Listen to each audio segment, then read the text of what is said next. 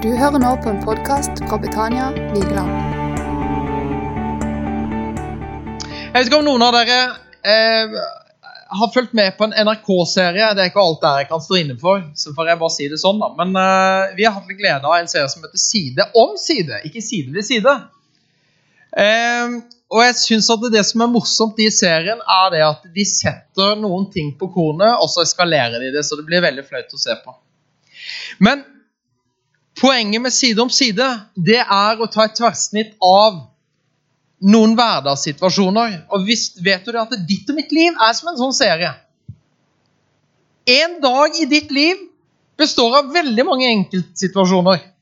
Og de enkeltsituasjonene kan enten være fryktelig kleine, og de antageligvis er et sånt kaliber at du helst bare vil glemme det.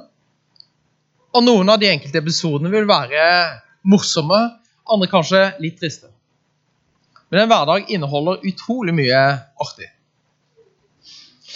Eh, så Skulle jeg vært skribent for en TV-serie, så hadde det blitt eh, mye hverdagssituasjoner hjemme for familien Tobiassen. Men vi skal begynne dagens tale med et bibelvers, eller noen bibelvers. Og la meg si det sånn at disse versene de kan legge grobunn for en skikkelig ekteskapskrangel. Eh, så skal vi lande godt på beina i løpet av formiddagen. Okay? Så hvis du har Bibelen, kan du slå opp i Efeserbrevet kapittel 5, og så skal vi lese noen vers fra vers 22. Og det begynner så herlig og forfriskende som Dere hustruer, underordne dere deres egne menn. Vi kan jo slutte der, kan vi ikke det? Og så kan vi gå hjem? Nei, sier Kjell. Det er sånn. Som under Herren. For mannen er kvinnens hode, slik også Kristus er menighetens hode og han er frelse for legemet. Slik menigheten underordner seg Kristus, slik skal derfor hustruene underordne seg sine egne menn i alle ting. Dere ektemenn, elsk deres hustruer, slik også Kristus elsket menigheten og ga seg selv for den, for at han skulle hellige den idet han renset den ved vannbadet i ordet, for at han kunne føre den fram for seg selv som en herlig menighet som ikke har flekk eller rynke eller noe slikt, men at den skulle være hellig og uten lyte. På samme måte skylder ektemennene å elske sine egne hustruer som sine egne legemer. Den som elsker sin hustru, elsker seg selv. For ingen har noen gang hatet sitt eget kjød, men han gir det mat og omsorg for det, slik Herren gjør med menigheten. For vi er lemmer på hans legeme, av hans kjød og hans bein. Derfor skal mannen forlate sin far og sin mor og være knyttet til sin hustru, og de to skal være ett kjød. Dette er en stor hemmelighet. Jeg taler her om Kristus og menigheten. Jeg var pastor for en menighet i Askim og prekte over disse versene her. Og jeg skal love deg at det isna til gjennom disse versene. For det er grobunn å bruke disse versene til et helt galt formål. Eh, Hensikten med ekteskapet er ikke å leve i undertrykkelse, men hensikten med ekteskapet er å forstå at det er et forbilde. Ditt ekteskap er ment å være et avbilde av noe, nemlig menigheten og Kristus. Så vi er nødt til å skjønne relasjonen mellom menigheten og Kristus for å forstå hva Paulus egentlig snakker om her. For å forstå egentlig dybden på hva som skal prege vårt ekteskap. Ok? Som jeg hadde stått overfor Anette, og hun hadde en klar mening. og jeg sier, ja, men Bibelen, Spesielt Efesbrevet 5, 22 sier at du skal underordne deg meg som ditt hode. Så tror jeg at vi ikke hadde vært gift så lenge som vi har vært. Anette, hadde vi vel? Um, og det var en dame som jeg hørte hun sa om sin mann hvis du er mitt hode, så er jeg din, din hals, og jeg vrir det dit jeg vil. Så. og så hørte jeg med en annen ta med den nå, en dame hun var hos legen og lurte på om mannen hadde en mental lidelse. Så sier kona ja, det har han, for hjemme så går han rundt og tror det er han som bestemmer. Men jeg har lyst til å legge noen, eller bruke noen minutter på å legge et godt fundament som jeg tenker vi kan stå på før vi går inn i de refleksjonene jeg har lyst til å gi deg. Og Det første fundamentet som er viktig, som vi skal stå på, det finner vi i Første Mosebok, kapittel 2 og vers 18. Og det fundamentet er at Gud skapte mennesker til å leve i relasjon med hverandre. I vers 18 står det og Herren Gud sa det er ikke godt for Adam å være alene. En hjelper som svarer til ham, vil jeg gjøre for ham. Det er ingen som er kalt til å leve alene. Til og med Monsen, som er så introvert og liker å reise på lange skogsturer alene, han syns det er godt å ha en Trine Reine å komme hjem til. Så Gud så det at det var ikke godt for mennesker å leve alene. Det var godt for mennesker å leve i relasjon med hverandre. Så du og meg er kalt til å leve i relasjon. Og det er jo veldig krevende å leve i et ekteskap hvis ikke relasjonen er harmonisk eller relasjonen er god. Og Anette og meg vi satt og, og prata om det på turen hit. Hvor mange menigheter som ikke forstår at de er et avbilde. Eller ment å være et forbilde i forhold til relasjonen som er et ekteskap. På samme måte som et ekteskap får en dissonans når det er mye krangling mellom mor og far, og det merkes i hele atmosfæren, i hele hjemmet, på samme måte vil det være i menighetene som har mye støy og mye konflikter. Så nummer én det var ikke godt for mannen å leve alene. Så for de som trodde at mannen var en enstøing, de tar feil. Guds ord er alltid rett. Det er godt for mannen å ha noen å leve sammen med. Og men, la meg si det. Husk, du er kalt til å leve i relasjon. Det innebærer noen forpliktelser, og det innebærer å gi avkall på noen ting. Nummer, B, nummer, nummer to han behøvde noen å dele livet med. Så når Gud former Eva, så gjør han det unikt. At han tar Det står jo der han tok et bein fra siden av mannens, mannens side. Altså et ribbein. Hva er det ribbeina til for? Jo, beskytte de indre organene. Han tar noe av det mest viktigste du kan ha, og former en kvinne av det. Hvorfor det? Jo, fordi at den relasjonen skal være en relasjon hvor vi står tett til hverandre, med å beskytte hverandre, med å ære hverandre. Nummer to finner vi Første Mosebok Igjen kapittel 2, vers 24. Derfor skal en mann forlate sin far og mor, være knyttet til sin hustru, og de skal være ett kjønn. Det andre er at Gud innførte ekteskapet som en gjensidig trygghet for hverandre og andre. Husk det. Ditt ekteskap er en trygghet for din partner. Men du kan gjøre det veldig utrygt for din partner hvis du sender ut mange gale signaler eller viser at du er veldig misfornøyd i et ekteskap. Ekteskapet er ment til å være en gjensidig, trygg relasjon for begge parter. Husk jeg sa for begge parter. Og så er den ment til å være en gjensidig trygghet også i møte med andre. Så står det han skal forlate sin far og sin mor. Det betyr at man, man, eh, man reiser ikke fra og på en måte glemmer at man hadde en mor og far, men du skal etablere din familie.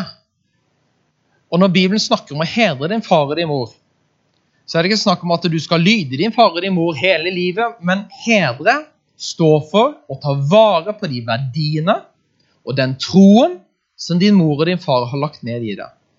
Den beste måten du kan hedre din far og din mor på, det er å vise at det som de la ned i ditt liv av viktige hjørnesteiner, det er det du bygger videre på og gir til dine barn. Den beste måten du kan hedre dem på. Og så er ekteskapet en trygghet i forhold til andre fristelser. Og fristelser det kan være mer enn bare piker, vin og sang. Fristelser det kan være materielle fristelser. Det er mange måter man kan fristes på, men ekteskapet er ment å være en trygg havn for begge parter. Og nummer tre Gud satte ekteskapet som en ordning i samfunnet, der familien er samfunnets, samfunnets minste samfunnsinstitusjon. Tenk på det. Hvis du tenker ekteskapet som en samfunnsinstitusjon, en, en, en, um, hvis du tenker deg selv den minste uh, organisme, er avhengig av at cellene fungerer. Hvis du tenker deg at samfunnet er som en organisme bestående av masse celler, og så er ditt og mitt ekteskap det er den minste enheten i den organismen. Hvis du rokker ved den, da rokker du ved hele organismen. Så så når det er mye konflikter eller meninger eller strid rundt ekteskapet, og vi vet jo at vi lever i en tid hvor det å stå på Guds ord er ganske krevende, for Guds ord setter en del rammer og ordninger som er en beskyttelse for oss. Og så er det ikke alltid at Guds ord er riktig i forhold til dagens politiske tenkning. Men det er jo ikke relevant for din og min tro. Så skal jeg la den henge litt der og så kanskje den provoserer noen, så er det helt greit. Vi vet i dag at én av fire trenger psykologer, og jeg tror flere kommer det til å bli. Det betyr to av åtte. I overkant to av ti trenger hjelp av en faglig psykolog, og det kan speiles tilbake til hjemmet og hjemmets dynamikk. Så det betyr at rokker du ved den minste samfunnsinstitusjonen, så rokker du ved hele samfunnsdynamikken. Så harmonien i ditt hjem, i ditt ekteskap, vil være med og være avgjørende for de rundt deg. Og igjen så innleder jeg med at det er ingen fordømmelse for den som er Kristus. For de som det har gått skeis med, så er ikke dette en tale for å fordømme. Og det fjerde Gud satte en høy standard for ekteskapet som noe mer enn bare sex og selvtilfredsstillelse. Husk det, ekteskapet er en plass hvor du gir deg til et annet menneske. Og Bibelen er veldig tydelig på det overfor oss menn, at du skal vinne din ektefelle i hellighet og ære. Ikke begjær, men i hellighet og ære. Ja, Betyr det at ikke du får lov å begjære kona di? Det er ikke det det, er ikke det, det snakkes om. Men det, betyr, det snakkes noe om den innstillingen og den, den rammen du ønsker å sette for ditt ekteskap. Og hvilket sentrum du vil ha for ditt ekteskap. Det begynner med Kristus, og det vil avslutte med Kristus for ditt og mitt liv. Om han får være kjernen og stjernen for ditt liv og ditt ekteskap, så vil du kjenne at det blir en helt annen harmoni og dynamikk i ekteskapet. Og ekteskapet det er en plass ja, vi gir oss til hverandre, men det er en plass hvor vi er satt til å tjene hverandre. Tjene hverandre. Men de gaver med de, den utrustningen som du har, med å tjene et annet menneske Eh, det er mange som leter etter på en måte andre man kan tjene, men hvis ikke du klarer å tjene den du står nær, da går du glipp av noe veldig viktig nå. Og Det er en av de forordningene som Gud har satt, satt et av de fundamentene han har satt. Det er ikke godt for mennesker å være alene. Og vi er kalt og vi er skapt til å gi oss til hverandre og tjene hverandre. Og i ekteskapet så skal jeg gi deg tips til en bønn du kan be hver bidige dag så er det å be Gud hvordan kan jeg være den beste mannen eller den beste kona for min ektefelle. Det å begynne morgenene med å søke Gud og si hvordan kan jeg gjennom, gjennom det livet jeg lever med deg, gjennom det livet jeg lever med min ektefelle, være den beste mannen hjemme. Den beste pappaen hjemme for mine barn. Det er, en, det er en bønn som ærer Gud. Og det femte Gud satte ekteskapet som en pakt. Og Pakt er vi kanskje ikke så vant med å tenke her i Norge. Altså, vi, vi har distansert oss til hva pakt betyr. Um, I Gamle testamentet så kan vi lese om blodspakt. Eh, og den pakten som mennesket inngikk med Gud gjennom Jesus Kristus da han hang på korset, sant? det var blodet til Jesus som ble utgitt for vår skyld. Vår frelse ble, ble inngått gjennom en pakt mellom Gud og mennesker. Og fordi at den ble inngått med blod, så er den ubrytelig. Den er ukrenkelig. Du kan ikke bryte den. En av de som skjønte dette her, det var den kjente afrikamisjonæren David Livingston. Når han reiste rundt i Afrika og skulle misjonere, så visste han det at hvis jeg skal undervise til en stamme som ligger i konflikt med en annen stamme, så må jeg klare å skape en forsoning som gjør det vanskelig for dem å krige med hverandre. Så Derfor så inngikk han blodspakter med høvdingene. De skar så blodet rant, tok hverandre i hendene og inngikk en blodspakt. Så når David Livingston gikk da inn til en annen stamme og inngikk en blodspakt med en annen stamme, da kunne ikke de to gå i konflikt med hverandre fordi de begge hadde en pakt med David. Og Da visste de at hvis vi begynner å krige, da havner vi i konflikt med den pakten vi har inngått med David Livingston. Så han var smart. Han brukte et gammelt element for å bringe fred. Og når freden var etablert, så var det lett å forkynne evangeliet. Ditt og mitt ekteskap er en sånn pakt. For vi har inngått en pakt med et annet menneske. Og Den pakten er ubrytelig. Så skal jeg ikke gå inn på dette som går på skilsmisse og gjengift. og alt Det her. Det, ikke, det, ikke, det får man heller ta i en bibeltime. Men jeg tror det er viktig å vite hva Bibelens standard for ekteskapet er, før man tar alle enkelttilfellene. Og Bibelens standard, den er høy. All right? Og det sjette, det har jeg allerede sagt, men det er det at ekteskapet er et forbilde på menigheten. Bruden er menigheten, og hvem er da brudgommen? Det er Kristus.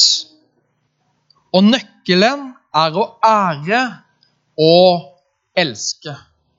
Så når Paulus snakker om underordning, så tenker jeg er det veldig vanskelig å underordne seg Kristus som menighet. Nei, det bør jo ikke være det. Og Det samme gjelder for et ekteskap. Det der med å underordne seg hverandre. Det handler ikke om å underkaste, men det handler om å ære og anerkjenne. Vi har begge ulike roller og funksjoner, men sammen blir vi en sterk enhet. Så er det tilfeller hvor jeg må underordne meg Anette. Og jeg må erkjenne at hun har rett, og jeg erkjenne at dette er hennes eh, felt. Og så er det andre områder hvor hun underordner seg meg. Og det handler ikke om å underkaste seg, men det handler om å ære, anerkjenne og elske.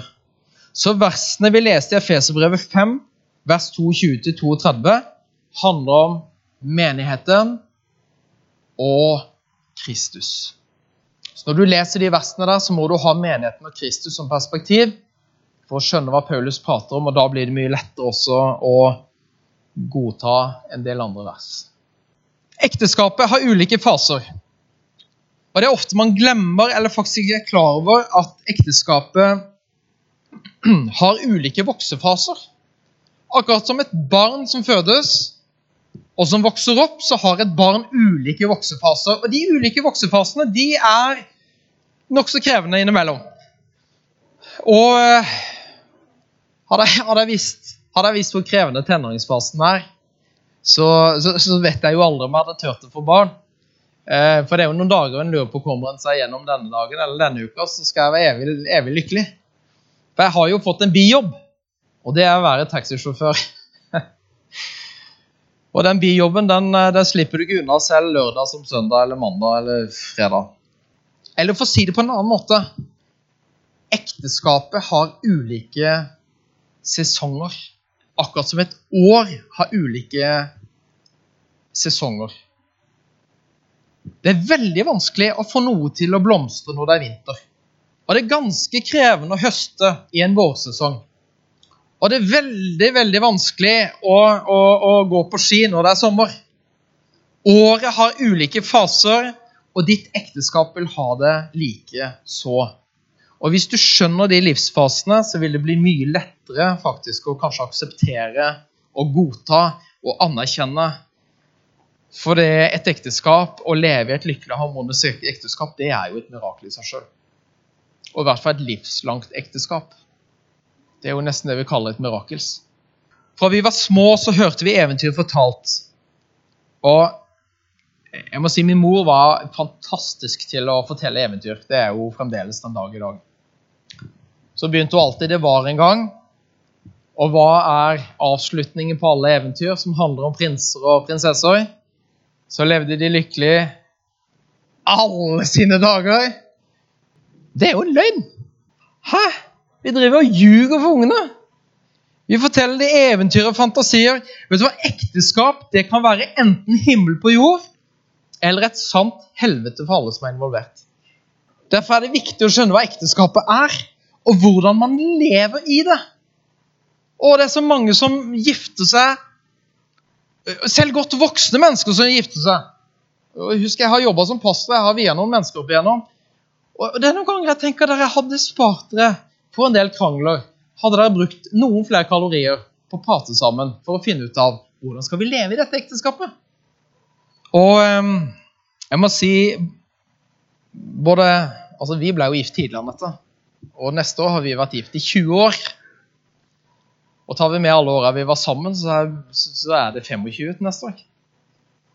Og vi visste veldig godt at siden vi gifta oss unge, så kom vi til å gå igjennom noen voksefaser som enten kunne føre til skilsmisse, eller så kunne det føre oss enda tettere sammen.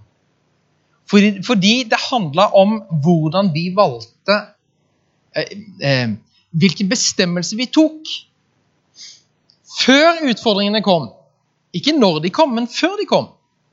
Og jeg kan, jeg kan bekrefte etter så mange år at eventyrene de tar feil. altså. Det, det, er faktisk ikke bare lykkelige dager. Det er noen grådager også. Men husk at de gråe dagene er der for at du skal nyte solskinnsdagene. Og Det er viktig å nyte solskinnsdagene. og Hvis det bare er grå dager, da tror jeg vi får ta en sjelssorgsamtale heller, altså finne ut av hva det går i. Men det som er viktig, er hvilken bestemmelse har du tatt for ditt ekteskap? Ikke hvilken bestemmelse din ektefelle har tatt for ditt ekteskap. Det, det er jo nesten som jeg, jeg gjør som du vil. Bestem du. Jeg gjør som du vil. Nei, men Hvilken bestemmelse har du tatt for ditt ekteskap? Det er det som er avgjørende når du går inn i utfordrende og litt gråværsdager. Og det avgjør om det blir et varmeskap eller et fryseskap. Og jeg kan vel si det sånn at når vi gifta så hadde vi, ganske, vi, har, vi hadde ganske mange venner som gifta seg samtidig. Og jeg tør å påstå 80% av de er skilt i dag. Og Jeg tror det hadde ingenting med å gjøre at de var unge når de gifta seg. Men jeg tenker at det hadde noe med hvilken innstilling de hadde til ekteskapet, hvilke bestemmelser de tok når de grå dagene kom. Og Det er det som avgjør utfallet for ditt og mitt ekteskap, er hvilke bestemmelser har man tatt når de gråe dagene kommer. Fordi, kjære venn, de kommer.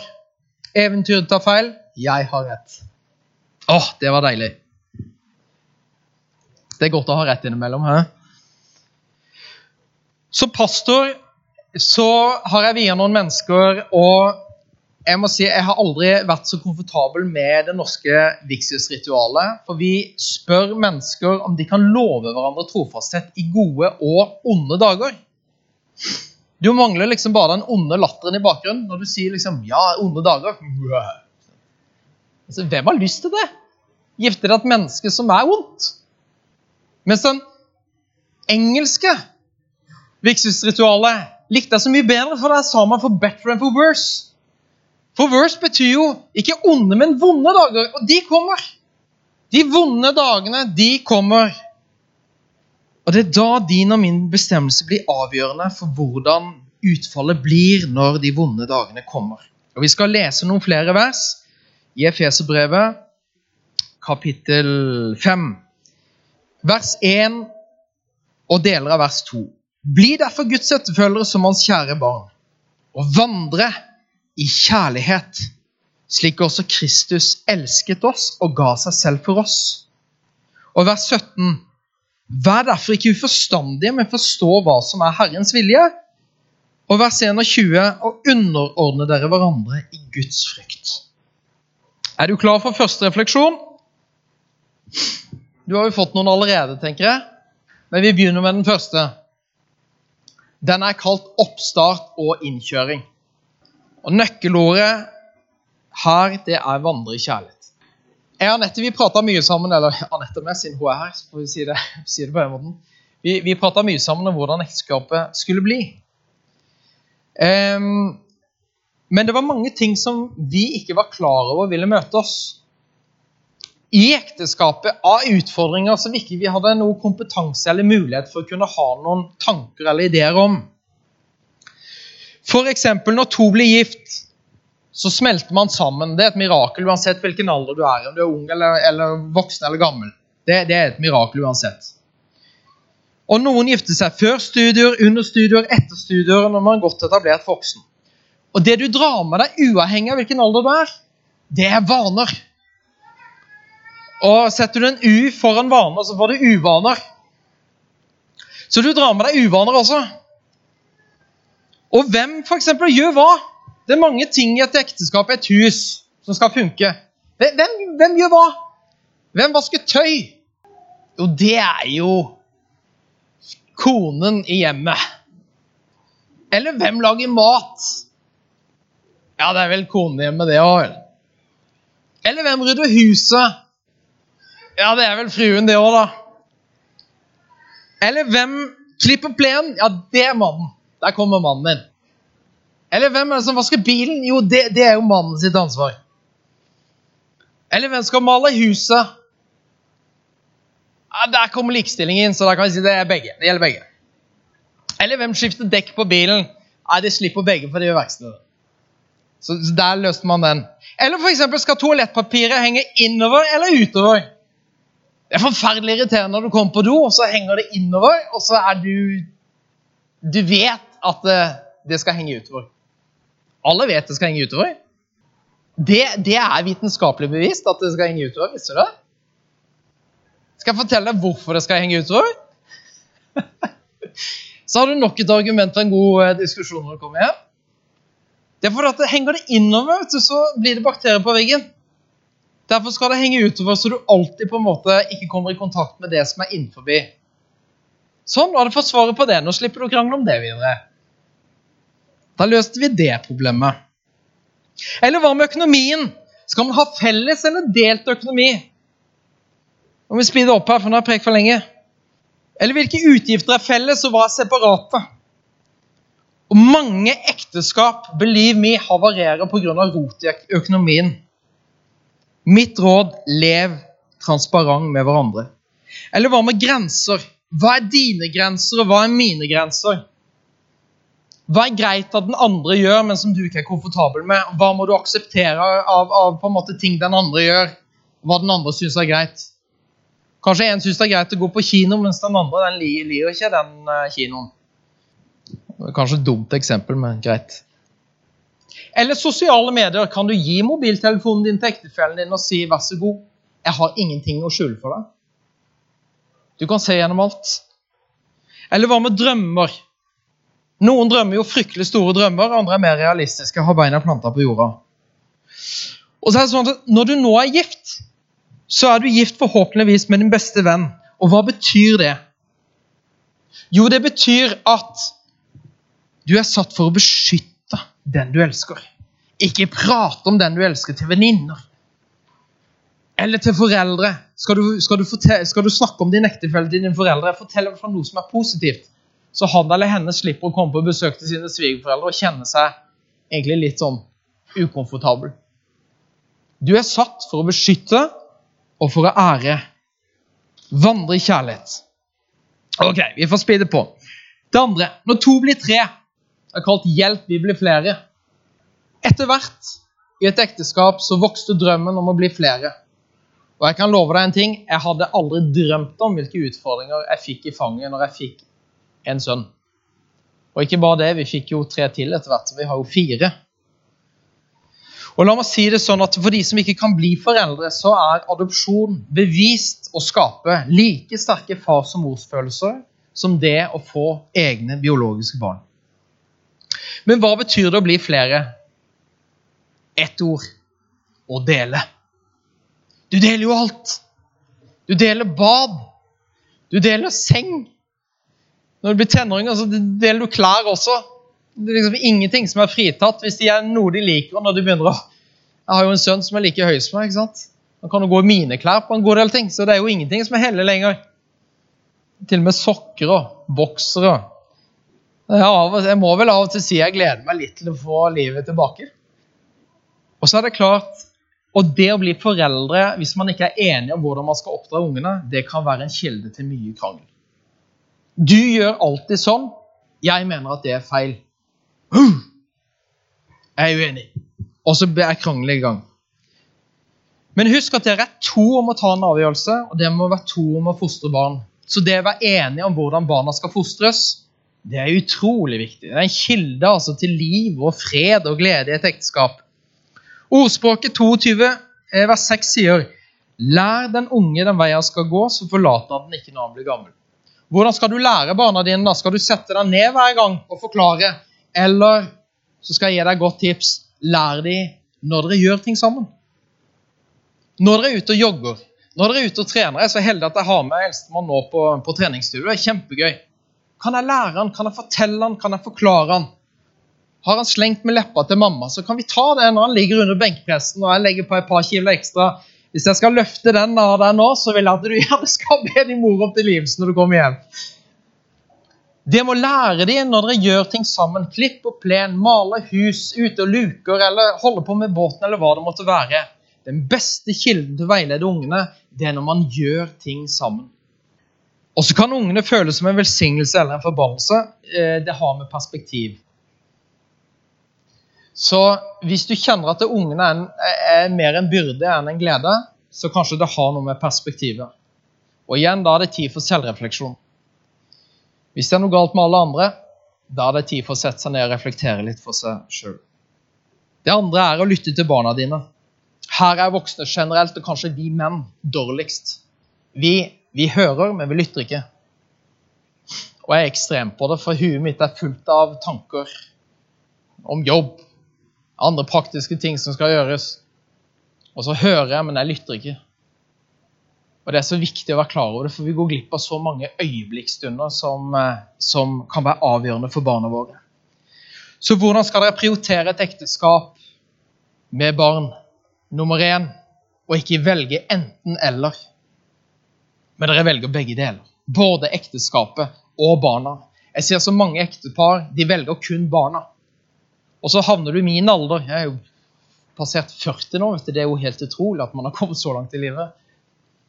Så har man plutselig ikke noe å snakke om når ungene blir tenåringer og er på vei ut. Så jeg fikk et veldig godt råd av min onkel Steinar Slåtten, som flere av, dere, flere av dere kjenner. Når vi gifta oss, så sa han Jan Gordon, pass på at ikke ungene kommer mellom dere. Men pass på at ungene løper rundt dere. Da vil dere alltid bevare enheten dere imellom og så kan dere ta valg sammen basert på hva dere mener er best, og ikke at det er ungene som forstyrrer den enheten. Det er det beste rådet han kunne ha gitt oss. Så nummer én, la barna leke rundt og ikke komme imellom. Nummer to, be sammen om visdom for å være gode foreldre. Sett dere ned sammen på kvelden, på morgenen. Be om visdom. Be sammen for barna. Og be sammen med barna. Og husk at hele Bibelen snakker til du og meg som barn. Den veileder oss som barn. Det er et kjempegodt forbilde for hvordan vi kan veilede våre barn. Så nøkkelord som foreldre, når vi først er i Fesebrevet, kapittel 5, det er vers 15. Se da til at dere vandrer varsomt, ikke som uvise, men som vise. Orker dere litt til? Får dere noe ut av det? Vi skal ta et par punkter til. Det tredje snakke sammen. Jeg sier snakke sammen verbalt, ikke med kroppsspråk. Det må være oppriktig interessert og ikke bare nysgjerrig. Jeg har jo fortalt en historie før, Annette, og jeg kan jo gjøre det igjen. Men uh, den skikkelige ekteskapskrangelen vi har hatt, den, den varte en hel dag. Og jeg, jeg, var så frustrert, for jeg skjønte ikke hva det gikk på. Og hun var sur, og jeg ble sur. og, og jeg spurte hva er det Nei, det er ingenting. og du vet hvordan Det er Det er jo aldri noen ting, men egentlig så er det noen ting. Men vi menn vi skjønner ikke hva den tingen er. Og vi burde kanskje skjønt hva den tingen var, for da hadde det vært mye bedre for alle. Men uh, jeg er jo bare en mann, og en enkel en som sådan, så jeg skjønte ikke hva det var. Så på kvelden så kjente jeg var litt irritert og lei, og spurte Anette kan du ikke forklare meg. Jeg er oppriktig interessert, ikke bare nysgjerrig. Fortell meg, hva er det for noe? Og Vi brukte vel en time på å finne ut av hva den tingen var. Og jeg kan love deg, når den tingen kom for en dag, jeg skjønte hva det var, da lå Jan Gordon Tobiassen på ryggen på stuegulvet og lo så han skreik. Hvor jeg sa til min kone jeg kunne ikke ha sagt det til meg på begynnelsen av dagen, så hadde jeg hatt en mye bedre dag. Men det ble en god avslutning, og jeg lærte mye av det. Dialog løser de fleste utfordringer. Og la meg si en ting til menn. Det er ikke damenes ansvar å sette seg ned og ta en prat. Det er vårt. Det er ikke ditt ansvar å skyve det problemet over på din kone, at hun skal bære den byrden og finne en ledig eh, tid for at eh, du skal være i humør nok til å ta en prat. Det er vårt ansvar å sette seg ned på sin ektefelle og være oppriktig interessert og lydhør. For det er mye visdom som kommer gjennom den praten. Og det svir. Det kan jeg vel skrive under på. Og La meg også si en annen ting. Husk det, Hva er en virkelig mann? Er det en som er på treningsstudio og har en perfekt kropp? Nei. Menn kommer i alle fasonger.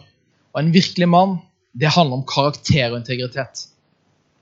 Det har karakter og integritet til å gå foran og lede sin familie ut fra de verdier og de ting du mener er viktig, det er en virkelig mann.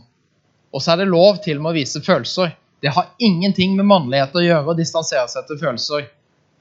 Bare vi, vi, vi, fryser litt godt her på berget, så vi er ikke vant til å, å, å gråte. Men det er lov. Paulus sier i 1. Korinterbrev 13, vers 11 og 13, så sier han da jeg var barn, talte jeg som et barn, tenkte jeg som et barn, forsto jeg som et barn, men da jeg ble voksen, la jeg av det barnslige. Så blir de stående, disse tre, tro, håp og kjærlighet. Men det største av dem er kjærligheten. Skal jeg gi deg et punkt til, så skal jeg, skal jeg gå til en avslutning. Jeg må, jeg, jeg må, jo ha noe å preke om neste gang jeg kommer, så jeg får spare det til da.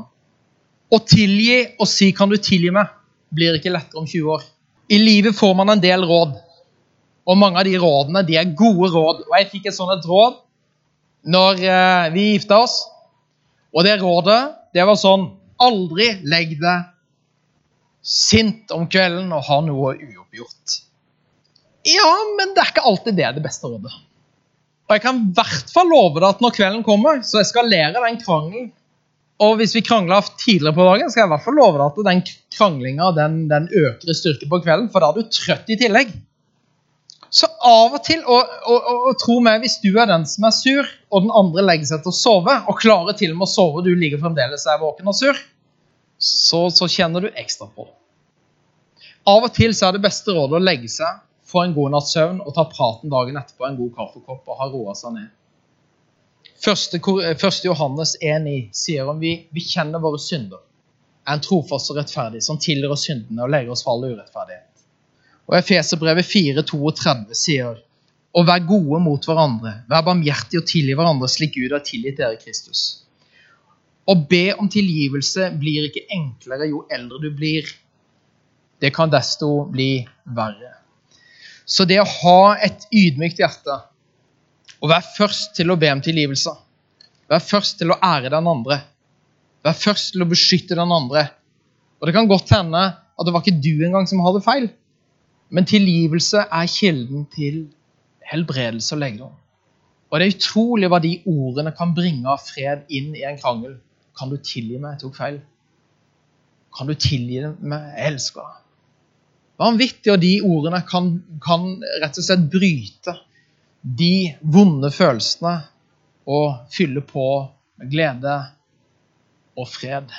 Så blir de stående, disse tre, tro, håp og kjærlighet. Og størst blant dem er kjærligheten.